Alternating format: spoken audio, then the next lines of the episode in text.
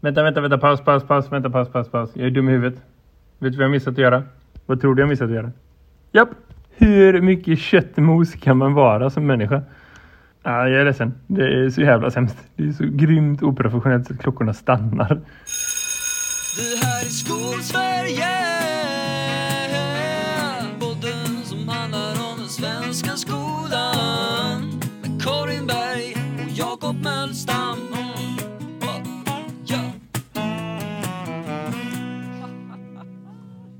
Ja, nu gör vi ett nytt försök att starta om den här eh, podden för att varför inte?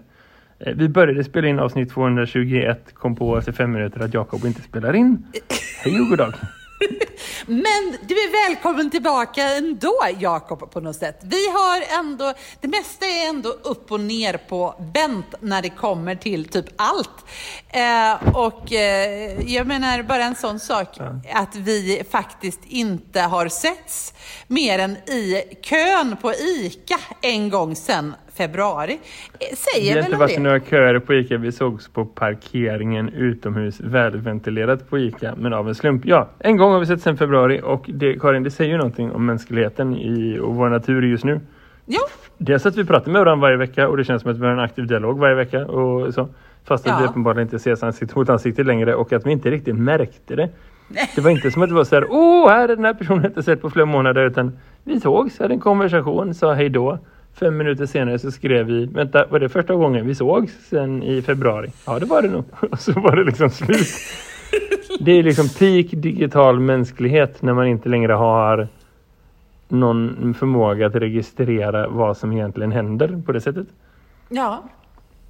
Jo men det var liksom sådär, samtidigt som, eh, ja, nej men det, det, det var en väldigt spännande upplevelse måste jag påstå. Eh, och, men ändå roligt att se dig, att du finns, förutom i min verkligen. dator. Ja, nej, det är sant. Det finns på Eh, riktigt. ja, och idag har jag ändå, idag är jag lite glad för idag har jag faktiskt för första gången sedan 17 mars träffat min klass som jag är studiehandledare för, eller mentor Du har för. träffat några elever alls för första gången sedan mars? Är det så? Eller är det bara just i din egen klass typ? Nej, alltså faktum är att det är lite lögn, för jag har träffat klassen i Slottsskogen innan vi gick på sommarlov. Eh, För att liksom mildra den här lite kaosartade, alltså just, man får ju inte glömma bort att de fick ju faktiskt gå hem, eh, de fick ett besked klockan eh, ja, 11 eh, den 16 mars, att skolan stänger den 17 mars och sen fick de inte komma hit någon mer. Eh, I princip. Så att eh, det, det blev ju lite traumatiskt. Eh, så. så därför så beslutade vi oss för att vi ses med långa avstånd i juni. Och så gjorde vi det. Men det var ju ändå utomhus och långa avstånd och allt vad det var. Så att, men det här var första gången att ha dem samlade i, en, i ett klassrum. Och det var... Eh, jag är så förvånad över All- den enorma energikick jag fick av det med tanke på hur rövigt jag tyckte det var kvällen innan faktiskt. Alltså, men var det rövigt att träffa eleverna? Nej, det var något annat som var Nej, rövigt. absolut inte. Men, men eh, det var eh, rent ut sagt, alltså den här skolstarten som vi har gått igenom eh, Mm, har ju varit eh, kort och gott förjävlig. eh, så, Men du, vi tar det från början så är vi liksom eh, noga med att dokumentera och så. För det är ändå historiskt intressant, tänker jag, på något plan. Eh, i Ja. kollektivt eh, samlat så. Hur Ja, var kan- den här skolstarten för dig, om vi tar det från början? Eh, så, har du, först eh, hade du någon ledighet? Hade du någon möjlighet att koppla av och stänga av? Eller har du varit liksom på hela sommaren typ? Nej, men eh, både ja och nej. Alltså saken var ju den så här att i april så sa, så ställ, efter, alltså i samband med påsklovet så började man ju förstå, började man ge upp drömmarna om att få tillbaka eleverna in i klassrummet. Eh, Och vi började planera långsiktigt för att överleva hela läsåret ut. Eh, Men då började liksom det ringa lite klockor även från den här sajten som heter Skola Hemma som har varit en väldigt stor hjälp under distansundervisningen Eh, de började, det började stå, komma upp liksom saker där om att börja Mm. tänka på hösten, för det här kommer eventuellt inte vara över till hösten. Vad kommer att hända i Mm. höst? Ha en plan, börja fundera på vad som händer i höst. Just Så då ställde vi frågan till eh, vår huvudman eh, för att eh, just få dem att tänka på vad händer i höst. Så vi ställde frågan, vad händer i höst, vad händer i höst? Eh, I då slutet på april. Eh, fick inga direkta svar mer än att vi måste lösa studenten först. Eh, vi ställde frågan i maj några gånger, fick frågan tänk på studenten, tänk på studenten. Eh, I juni bönade vi och bad dem om att tänka framåt och då kom ju beskedet om att skolorna öppnar och att förlängningen av distansundervisningen inte skulle vara aktuell utan att eleverna skulle tillbaka till skolan. Så efter studenten så fick vi ju det beskedet. Eh, och då pustade alla ut och jag tänkte i min stilla, alltså jag är ju eh, lite, lite pessimist ändå, måste jag ju ändå påstå. Så jag tänkte att stämmer verkligen det? Ska vi verkligen liksom satsa på att för att då, eh, liksom, vi hade ju börjat prata men hur, hur schemalägger vi, ja, ta lite distans, lite, liksom, lite, alltså hälften hälften, hur gör vi, hur får vi det här att lösa? Du vet, och, och tittat på olika scenarier, lite grann löst bara på skolan, men ändå inte liksom hittat en bra lösning. För att det var väldigt, väldigt komplext. Och just därför hade vi ju pushat frå- frågan upp i organisationen.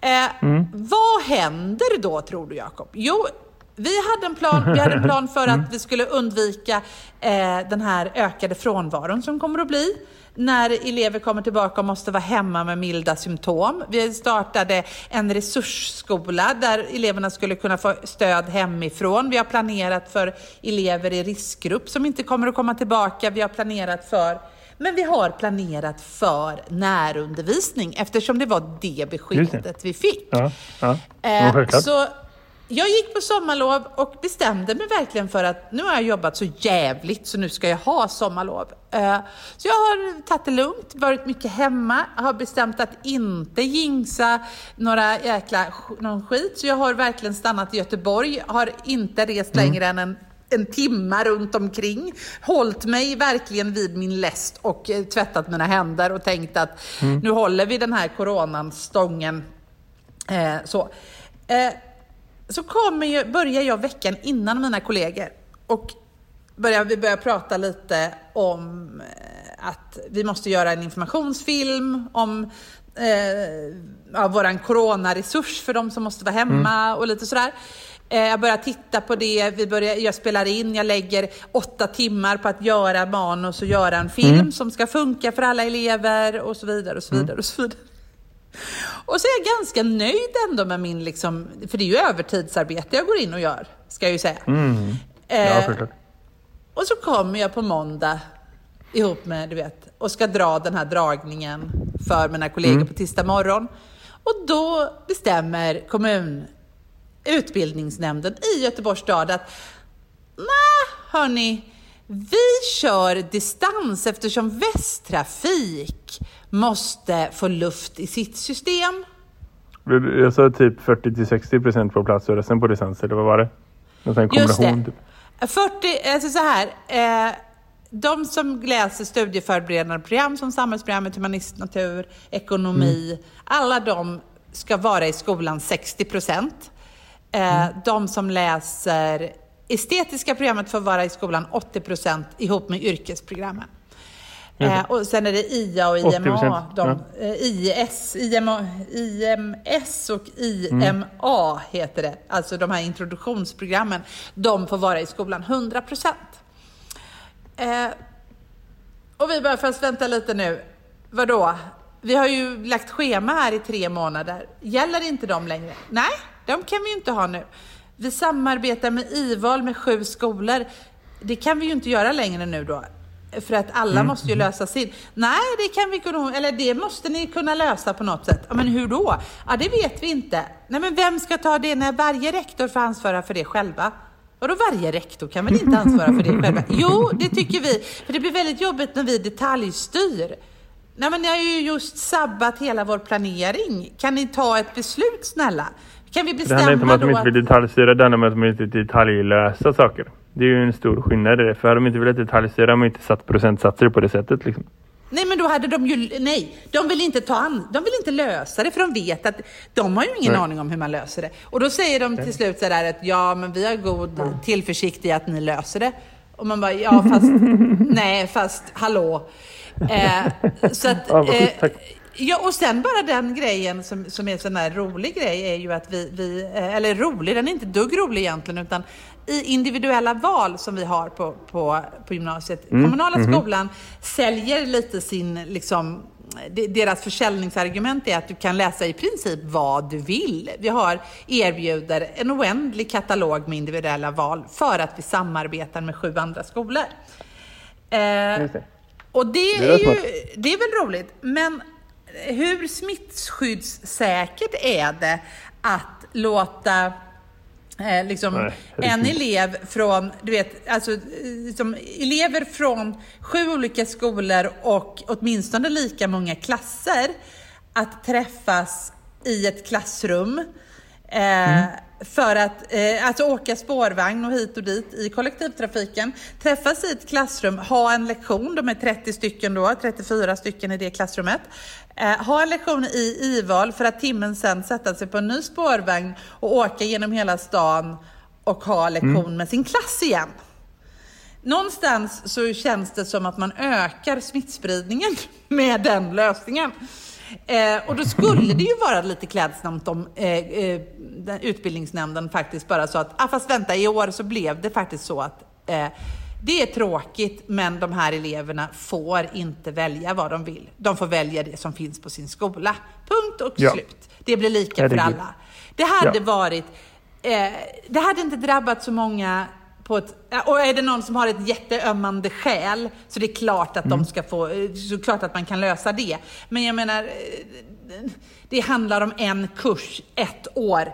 Eh, istället så ska vi, men det vill man inte fatta det beslutet för du, jag vet inte varför. För att det känns liksom tråkigt för eleverna eller något, jag vet inte. Så istället så eh, sitter vi med distansundervisning och eh, ett pussel som saknar ungefär hälften av bitarna eller har ungefär 37 000 bitar för mycket. Du får välja. Eh, men det blir inte en bild. Eh, Nej. och, och, så att i det, när vi liksom står och vi har inga scheman till eleverna, vi har ingen eh, liksom egentligen aning om hur någonting egentligen kommer att funka. Eller ja, det Nej. låter ju så dumt, men alltså vi har inga förutsättningar. Vi så. Så när eleverna stod här idag och jag delade ut handsprit till dem och de fick komma och sätta sig på sina bestämda platser som de nu har. Och jag hade gjort små lappar och lagt, vet, jag kände mig som en sån här, eh, liksom, eh, så gör vi väldigt sällan hos mig. Men jag hade gjort liksom, och gjort små liksom, paket med papper på varje plats och välkommen tillbaka och grejs och hejs och då. Eh, så kändes det så himla fint. För de var bara så här, men Karin vi löser det här ihop. Det är liksom, bara vi får vara ihop, bara vi får vara i skolan, bara vi får träffas, bara vi får slippa sitta framför en dator, så löser vi allt. Och den där ena dagen vi har lite distansundervisning, vi köper det. Det löser sig säkert, det blir bra. Och så var de bara glada och fina. Då blev jag lite glad och tänkte att det är ju därför man är här. Så nu är de tillbaka på 80 procent, är det så? Så de enda Ja, mina är är det. där. Mina är det, men eh, de flesta har två dagar i veckan på distans. Ja, ja. Ja det är bra. Om man kan få det att funka så. Nu, alltså det har varit fascinerande hela den här grejen som du säger med liksom kollektivtrafik och med förändringar, rutiner och hur jävla bakvänt det har varit. Men det är fint att, att man på statlig nivå nu i alla fall har insett att den rätta lösningen är att uppmuntra alla medborgare att låta bli att åka så mycket som möjligt så att de som måste ta sig fram gör det. Och man har ju liksom redan från början insett att så här, det här med utbildning är ganska viktigt för att det ska funka. Liksom så så att det kanske är lite mer, de måste få ta sig fram mer än vad det är. Sen kan vi också fundera på om, om, man måste, om alla måste ta sig till skolan på det sättet eller om man kan liksom hitta folk som hittar sätt att liksom, eh, ta sig till skolan på andra sätt. Så det är inte många som har en extrem lång pendling till skolan egentligen. Inte i de åldrarna heller, även om man har längre än, än vad kanske mina elever har. Men, men det är ändå vad det är. Det är ett tidsdokument av rang att eh, spara ner och återkomma till. Det varit spännande att liksom jämföra med typ skolstarten om två år. Bara för att se så här, hur är det, är det här annorlunda typ. Eller hur? Ja, ja men jag hoppas Japp, verkligen japp. att det här är någonting annat. Och jag tänker att det Mm. finns en särskild plats för hel i helvetet för de som bor typ fyra kilometer från skolan och ändå tar spårvagnen. Eh, I dessa När man är tider. vuxen. Ja, precis. Ja, men verkligen. När man är äldre så är det verkligen så. Jag har Ja. anledning att snöa in mig på liksom vad som gills som en nära skola när folk är yngre. Liksom så. Ja, det är en Eh, annan sak. i, i andra. Och jag menar, i den här stan så ser man att från årskurs fyra så förväntas man kunna ta sig själv till skolan på åtta kilometer enkelväg. Så. På hur många? Vilket är liksom eh, åtta kilometer från årskurs fyra. Alltså Åh, nio, och det var, man fyller tio. Och det är liksom mer än dubbelt så långt som vad man har i Stockholm. Och det är exakt dubbelt så långt som vad man har i Malmö exempelvis. Nej, men, liksom, eh, man kan ändå fundera lite på definitioner på vad som är. Men menar, det finns ju uppenbarligen en, en, en, någon tjänsteman någonstans som gör beräkningar i varje huvudmannaorganisation kring vad är en rimlig väg till skolan. Visserligen inkluderat kommunal eh, trafik tror jag också, men liksom, eller lokaltrafik tror jag. Men, men det, det finns ju ändå sätt att räkna ut liksom för olika, där man ändå höftar fram någonting. Så att man borde absolut kunna säga att de här och de här rollerna borde kunna göra det.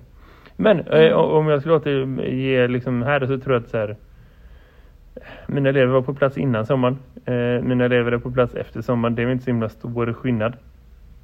Eh, så, alltså om man ska tänka med corona på det sättet. Det är klart att det har hänt mycket i, i förståelse för hur saker och ting händer och sprids och så, smittar och så. mm. Eh, jag hade en, en konversation i somras med en person som eh, har relativt god insyn som var så här, ja men det där med munskydd och så, det är nog, kan ju vara en tidsfråga innan det är någonting som man borde förhålla sig till liksom så. Eh, så då började jag googla runt på liksom, vad finns det för alternativ för folk som har skägg. För, för alla har sina olika gränser. Det är någon- någon idiot som åker till Grekland och som är, blir jätteförvånad när de hamnar på karantänhotell och inte får göra någonting. För att, och sen bara, nej du var ju sjuk precis innan sa du. Ja just det. Va? Eh, man, har kullar som man vägrar att eh, lämna. Kullar som man liksom dör på. Är det det man säger? Eh, så. ja. Och, och min son är väl liksom skägget när det kommer. Så jag tänkte, okay, vad finns det för alternativ som är skäggfri kompatibla liksom? Hittade en återförsäljare av skäggvänliga munskydd i Las Vegas, tänker du. Det måste finnas enklare sätt. Jag hittade en försäljare av skäggvänliga munskydd i Newcastle som båda, både den och den i Las Vegas var så ganska dyra, inte så snygga. Och så hittade jag en, en instruktion på eh, ett märkligt internetforum för så här farsor som fixar saker själv. Punkt någonting. Man bara, mhm, okej. Det här är en hemsida som jag har så himla stort intresse av egentligen. Eh, men där var det någon man som bara, så här syr du ditt skäggvänliga munskydd. Och det var en superdålig instruktion. Eh, men jag tänker, det där kan jag förbättra och göra bättre själv. Eh, och det är historien om hur jag la tre dagar i somras på att eh, eh, sy skäggkompatibla munskydd som jag nu har klara och redo utifall att skit hittar the fan så att säga. Där är jag! Där är du, där är du, där är din Eh, sommar. så. Men det Sen jobbar jag för en det superspännande förvaltning som eh, är kaos på så många nivåer. Eh, Ja. Så liksom, du vet, innan sommaren la jag eh, ändå en bra tid. Både med mina kollegor i mitt arbetslag och i eh, övriga skolan på att förbereda för 84 nya elever. Jag jobbar på en skola som successivt expanderar. Så vi ska starta en ny enhet. Så. Mm. En ny mellanstadieenhet är med att starta upp just nu. Eh, det skulle varit 84 elever innan sommaren. Visserligen med en del som borde gått som var felplacerade och så. Men Mm. Eh, när jag kom tillbaka efter sommaren så var det 109 elever istället. Men Man va? Okej, ja men det där är spännande. Nej men du vet, det är ju ingen som kan räkna i den här kommunen. Eh, Nej. Som mattelärare så är jag ju liksom djupt, djupt, djupt eh, hjärtekrossad. Mina elever började onsdag klockan 8. Mm, 8.30, rättvist. Eh, tisdag 14.53 fick jag den sista eleven placerad. Man bara, mm, eh, okej, ska bara fixa det där. Eh, och det är inga problem, vill jag säga det. Men då läste jag en artikel i GP igår kväll, ett par dagar in, när de säger ja nej det är fortfarande 200 elever som inte är placerade i grundskolan och vi får 59 om dagen och vi vet inte riktigt vad vi ska göra. Eh, så, det säger de centralt på förvaltningen. Och då säger de också så här, man kan besöka sin närmsta skola och få hjälp där. Bara, nej, det tror jag inte man kan göra.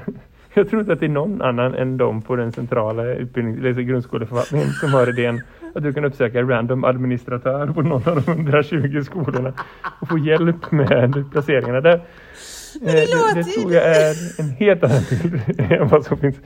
Men det låter Eh, Men det är ändå spännande och jag tycker det, det, är kul, vi ska, det är klart vi ska läsa det, herregud. Alltså det, det, det, det är väl bara det- att bita upp och ta sig. Men liksom, jag är, ja, jag, jag är, är road av så många detaljer i, i, i allt det här. Eh, så.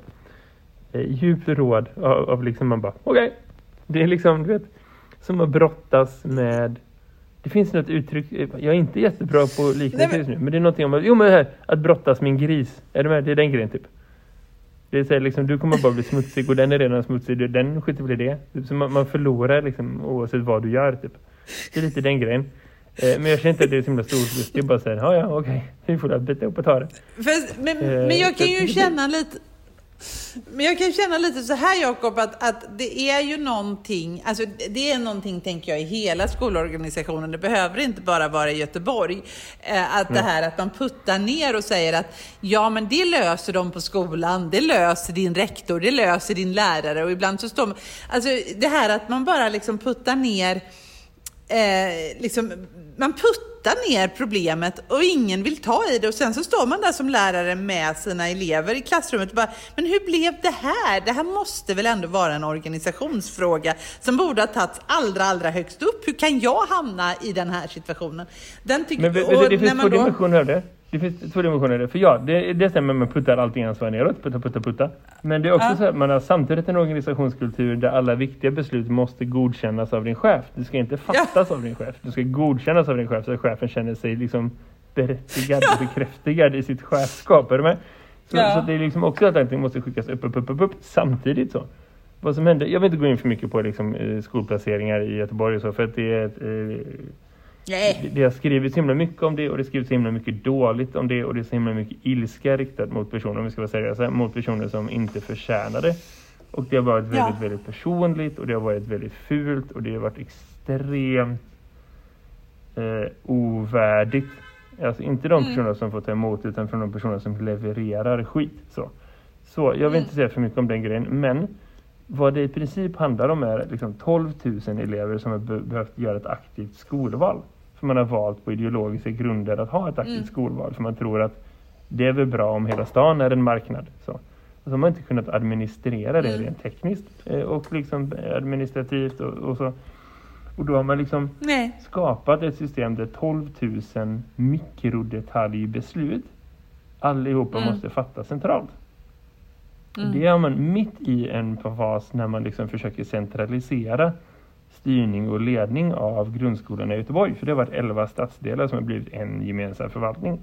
Och allting Mm. har handlat om att så här, vi måste göra det tillsammans så att det blir lika, så att det blir rättvist, så att vi liksom blir bättre. Så att vi liksom Mm. lyfter upp varandra. För det är 11 parallella skolorganisationer har det varit förut som varit bra på olika saker och dåliga på olika saker. Och kan Mm. vi ta det bästa från alla och så liksom blir vi jävligt mycket bättre. Det, det är Mm. superlogiskt och då handlar det om att så här, ni får inte längre bestämma själv, nu, nu gör vi det gemensamt. Nu gör vi det på det bästa sättet. Och nej, det spelar ingen roll att du är Mm. van vid att det har varit så här, nu gör vi så här. Och det kräver Mm. lite hårda tag och det kräver lite så här, nej, skit i det, kill your darlings, nu är det dags. Liksom så. Men parallellt med det som man infört ett system med 12 000 super, super lokala mikrobeslut som ingen vettig människa kan, kan förstå. Vem är det som, heter, som har bestämt det här och på vilka grunder har man gjort det? Vilket har komiska effekter. Eh, så jag hade senast i två dagar innan skolan startade så är det en konversation med en förälder som blivit placerad hos oss mm, för att de ville det och fått liksom ett byte beviljat. De är jättetacksamma. Men som undrade om det verkligen var nödvändigt att eleven gick om den årskursen den gick förra året för att han nu redan gått den årskursen. Eh, och det är så här, eh, nej, nej, det borde du nog inte göra. Vi ser till att den får gå här borta istället. och det är så här, och det, det är liksom, skolsystemet verkar vara så komplicerat. Det är här, vad följer efter årskurs fyra? Var inte det årskurs fem? Nej, inte nödvändigtvis. det är liksom bara, det, det, nej, det är fantastiskt. Eh, men jag, Ja, jag är glad men att allting går att roligt. och det, det, det fixar sig på sikt. Och det är väl också så här, fan, blir det inte rätt från början men det blir rätt sen? Okej, då blir det rätt sen. Man behöver inte ta Ja. det på så jävla stort allvar. Bara, bara, bara det blir rätt. Det är väl det som någonstans är det viktiga och det är väl det som eh, har varit lite komplicerat. Ja men absolut, och jag, Jacob, jag, jag, jag tänker ju verkligen att, att, att det är så. Det som jag kan tycka att, alltså, det, alltså man har ju verkligen ställt till det i Göteborg med, alltså inte nog med att vi har corona, vi har ju den här skolvalsprocessen som har rört till, som har rört till verkligheten. Eh, verkligen i grundskolan om jag har förstått det hela rätt. Eh, så, i, I den här kombinationen som du berättar. Eh, samtidigt som jag, jag är ju lite fascinerad över hur man pratar om saker som, som är... Alltså man pratar om eh, vi pratar om corona, vi måste lösa distansundervisning, vi måste lösa att inte eleverna trängs i skolans lokaler, vi måste prata om att vi ska inte mm. åka kollektivtrafik, eh, vi måste lösa, alltså det här, men egentligen också faktiskt det här med, med skolplaceringar och sådär. Alltså, men, men om vi liksom lämnar den, alltså så. Mm. Eh, men ingen pratar om egentligen vad det får för konsekvenser på elevernas utbildning. Eh, för att man ser, man tänker att det är någonstans en individuell grej. Alltså mm, om du mm. får lite distansundervisning så drabbar det dig individuellt och så blir det lite bra. Eller det blir lite dåligt för dig, men det är smällar man får ta. Livet är inte rättvist och bla bla bla.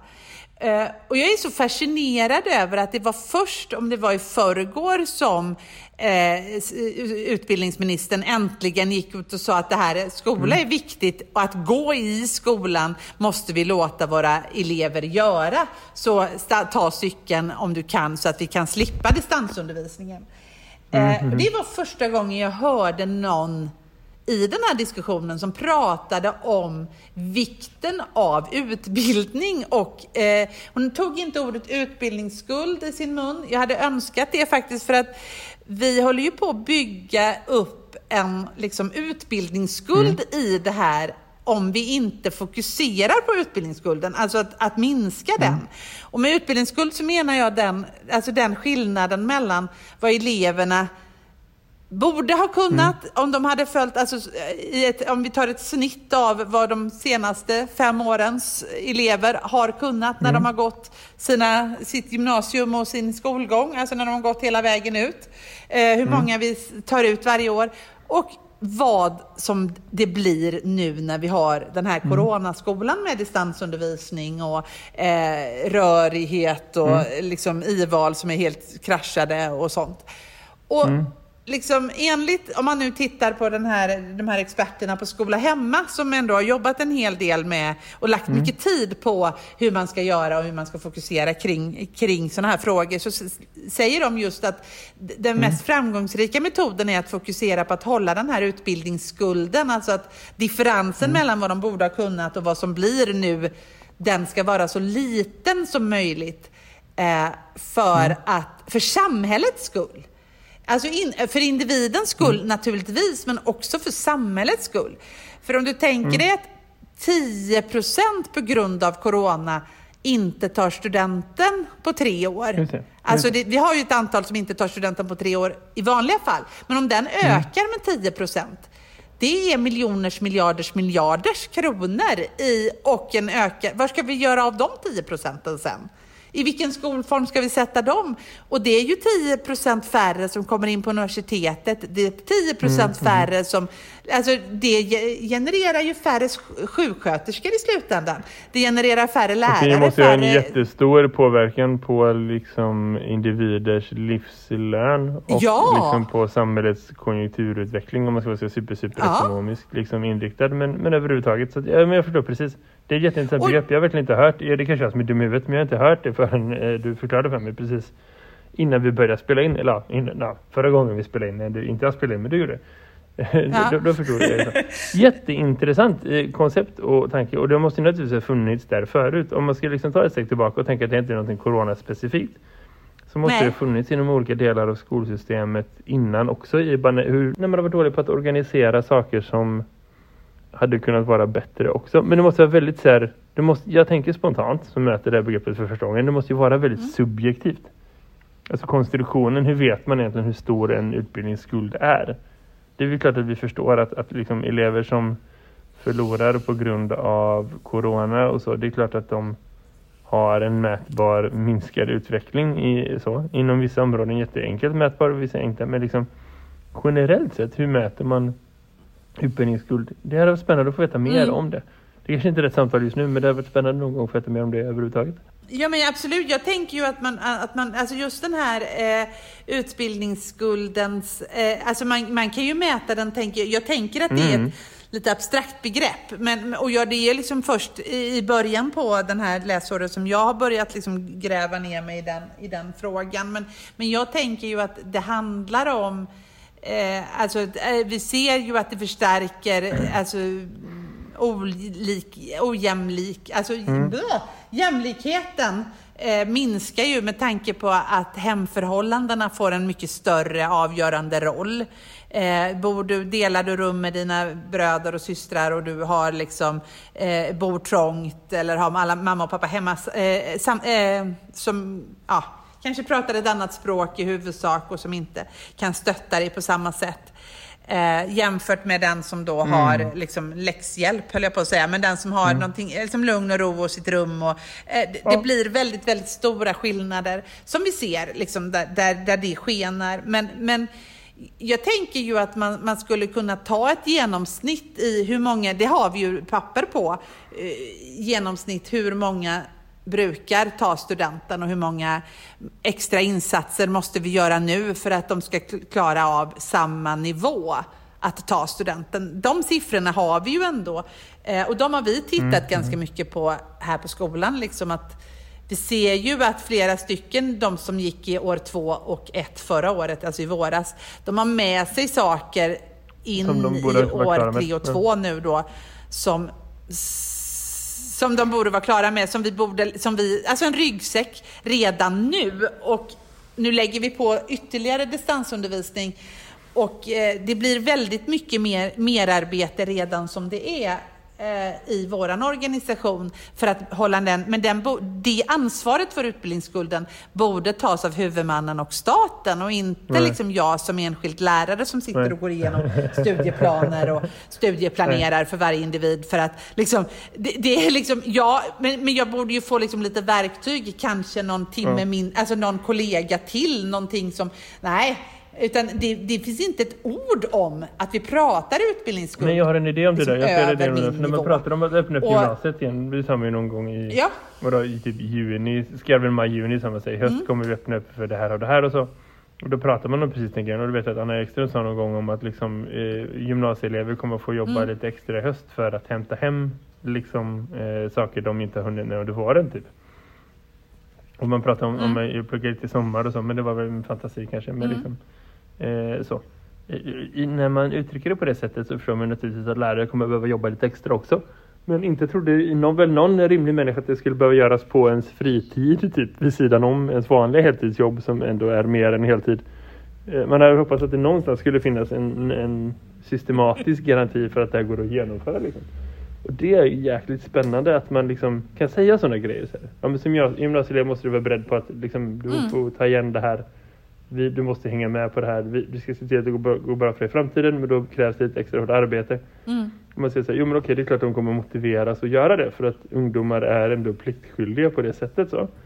Är du med? Man vill att det ska gå bra, man gör som man blir tillsagd, man, det är lite grann i alla fall. Mm.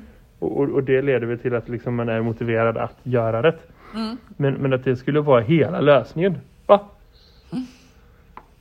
Det, det, det är liksom, det, det är nu du bygger upp så här, vi skjuter till Ja. så här många miljarder Nej, det- i, i lärarassistenter eller i hjälplärare eller liksom anställ varenda gymnasielärarstudent att ha betald praktik fast dubbelt så lång i höst när de ändå inte kan plugga på universitetet och liksom avlasta eller så.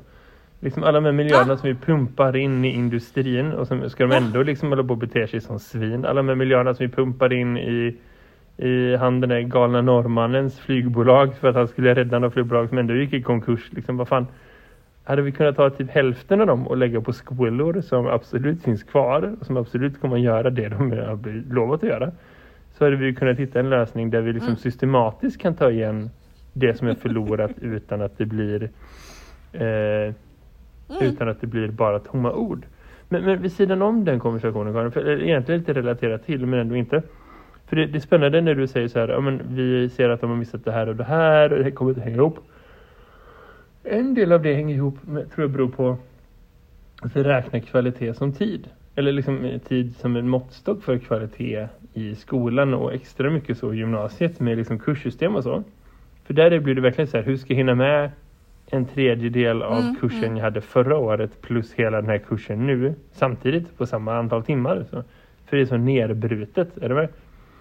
Eh, för att det är så man har behövt organisera och administrera det för i någon sorts likvärdighet eller någon sorts liksom hanterbarhet. Så. Det aktualiserar ju ändå någonting som vi inte lyfter på så ofta i skolan för att vi inte riktigt mäktar med att ha den konversationen. Men man kan ju egentligen inte säga tvärsäkert att liksom alla elever behöver 100 timmar för att klara av det här innehållet eller 50 timmar för att klara av det där innehållet eller så. Är du med? Eh, Så, så, så när man säger så här, men de här eleverna har missat, man skulle kunna räkna på de kurserna som gick under hela förra läsåret och tänka okej, de från mars och fram, eh, de har missat kanske säg 35 procent. Så det, då lägger vi in 35 timmar och så är det bra. Det är ingen garanti för att det funkar på något plan. Och det är inte någon garanti för att det behövs för alla elever. Det måste ju finnas elever som kan ta det på fem timmar eller som kan ta det på ingen tid alls för de typ har fattat det. Eller de som behöver hundra timmar till för att gå om det för de kan inte bara ta det fyra månader senare. Ganska många elever skulle jag gissa på.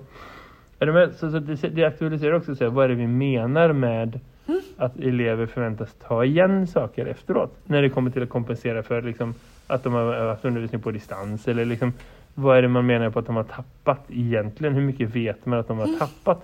Man kan ju se liksom, vissa mätbara saker och så.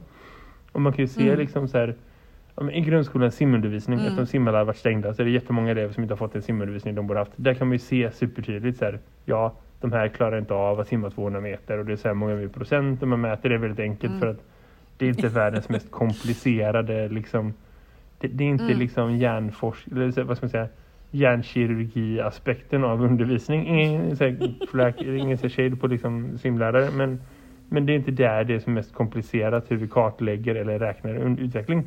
Men när det kommer till liksom barns läs och skrivutveckling eller när det kommer till gymnasieungdomars liksom, utveckling inom alla möjliga olika ämnen så är det så här hur vet man egentligen det och hur kan vi egentligen se det? Det aktualiserar att vi behöver fundera på vad det egentligen vi menar med kvalitet utan att för den delen bli mindre rigorösa att förvänta oss toppenkvalitet. Men också liksom, ja men så här, eh, i Nej. USA just nu pågår ju presidentval och är det någonting vi borde lärt oss i den här podden så är det att vi inte ska göra några förutsägningar när det kommer till presidentval. Men ehm, eh, Joe Biden som ändå är numera officiellt Demokraternas kandidat. För övrigt sidospår, hans fru Jill Biden är eh, lärare på eh, högskolenivå eh, och har undervisat hela, hela perioden även när hon var eh, andre fru, alltså vicepresidenthustru. Eh, och är fast besluten att fortsätta undervisa även om hon blir first lady, vilket jag tror hade varit någon sorts eh, första gång förmodligen. Men det är sidospår, hon, är- hon är supernice. När hon pratar utbildning så blir det så här, här är någon som fattar utbildning. Eh, men men eh, tillbaka till det. Han, har en kampanjslogan, eh, för USA är ju skit. alltså, så, det går ner sig så jävla hårt. Eh, och, och där så har han en kampanjslogan som heter Build Back Better. Som handlar om att liksom, vi ska återbygga eh, allting som har gått sönder.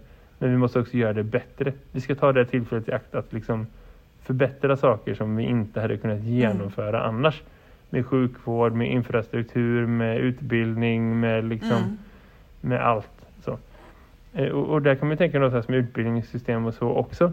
När vi ska liksom ta oss igenom hela den utbildningsskulden, när vi ska komma tillbaka till okay, hur fixar vi det här och så. Hur gör vi för att bygga upp någonting som är bättre än det vi hade förut?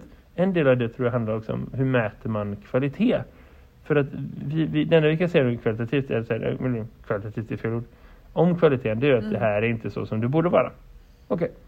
Men hur borde det vara istället och hur vet vi att det är tillräckligt bra nog? När kommer vi vara nöjda med de här eleverna och känna så här, ja men det här är det. När kommer vi vara nöjda med de här gymnasieungdomarna som har missat en massa tid och känna så här, jo, de har tagit igen där, det kommer att gå bra för dem också. Det kan inte vara bara att man checkar av ett visst antal timmar, ett visst antal mål. För att det, det, då har vi inte riktigt gjort jobbet. Då har vi bara så här krattat över lite och tänkt så här, mm, fint, kolla här, här finns ett sätt jag kan räkna. Då är vi som Trump. Har du sett den intervjun han gjorde med Axios när han sitter och bläddrar i en massa utskrivna eh, grafer och eh, staplar och bara kolla, kolla, kolla. Vi är högst, alltså menas, vi är lägst, vi är bäst, vi är bättre än världen.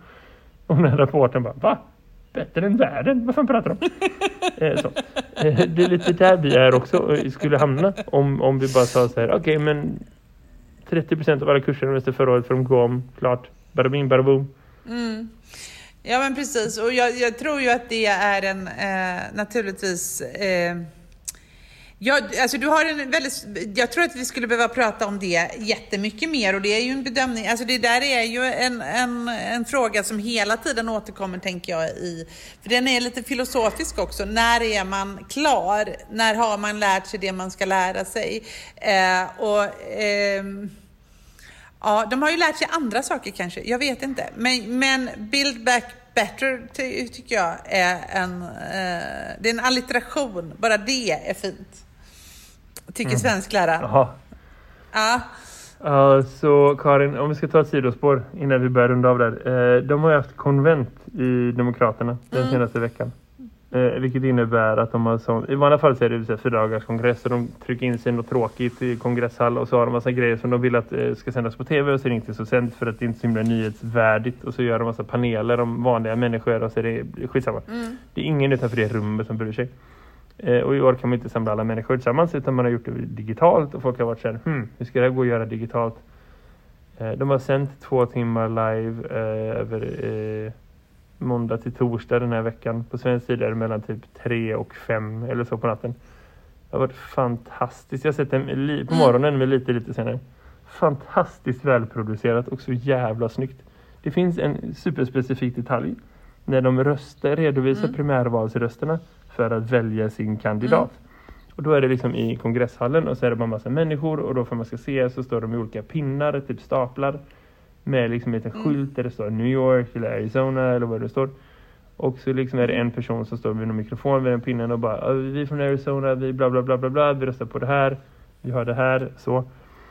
Eh, och så liksom skriker de om varandra och så är det typ ingen som bryr sig och sen så vad det så är det någon som vinner.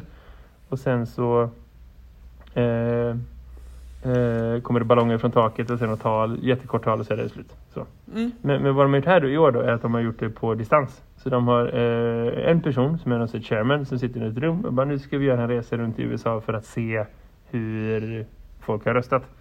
Eh, vi börjar gå med bokstavsordning så det börjar med Alabama typ.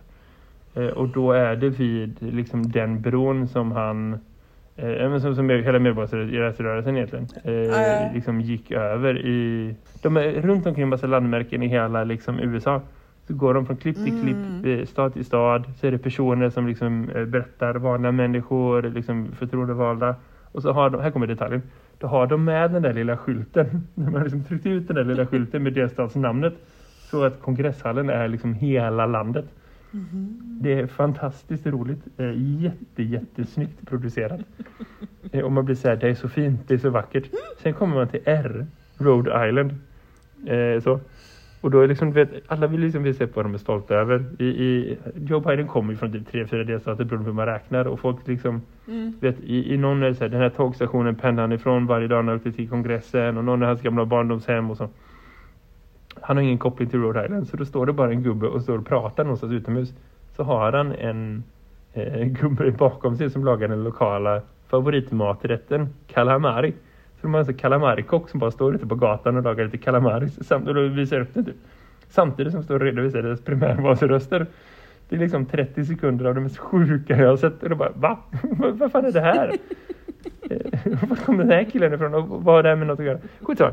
Super, super snyggt producerat. Eh, vill man känna hopp för mänskligheten och för omvärlden så kan man ta och kika in eh, välvalda delar av de grejerna. Du Karin, det här samtalet är alldeles för långt. Eh, vi behöver börja runda av eh, lite grann. Ja. Vi ska pitcha för en grej innan vi helt lägger på. Eh, så, för vi släpper ett specialavsnitt precis efter att vi släpper eh, podden. Så det är liksom dubbel trubbel så. Mm. Och det hänger ihop med, sa jag det på riktigt? Herregud, fan vad töntigt. Eh, men det handlar om att vi ska lansera en eh, sorts serie avsnitt i podden. Ja! En podd i podden kan man säga. Ja! Skolsverige börjar plugga. Eh, Precis, exakt så. ja. Det är ju nämligen så att eh, jag är inspirerade av våra lärdomar tror jag. Jag tänker i alla fall är det så för mig. Inspirerad av vad vi gjorde i våras och med det här distansundervisning, digital kommunikation. Pra, eh, så, så i våras så får jag en länk av Jakob. Eh, nu ska vi, det är dags att söka Göteborgs universitet. Eh, vi söker den här magisterutbildningen som handlar om digitalisering och eh, informationsteknik och eh, lärande. Eller hur? Mm. Precis. Så du där och jag besökte samma magisterprogram. Det är många som har gått det här magisterprogrammet förut. Så. Många, så. många i, i våra kretsar och så som säger att det är väldigt bra. Så då har vi gett oss i kast med det och då kom vi på, eh, jag tror kanske det var i samband med att vi såg på den här ICA-parkeringen, att det här är ett gyllene tillfälle att starta en följetong inom podden med ett specialavsnitt lite då och då. Eh, på temat eh, vad handlar det här om? Så vi släpper ett första avsnitt där vi pratar lite om den utbildningen eh, precis alldeles strax. Så efter jingeln kan du bara klicka dig vidare så får du ah, kanske 10 minuter bonusavsnitt. Grattis, varsågod! Tack för idag Jakob, det var roligt att prata med dig. Ha det gött, hej! Det här är Skolsverige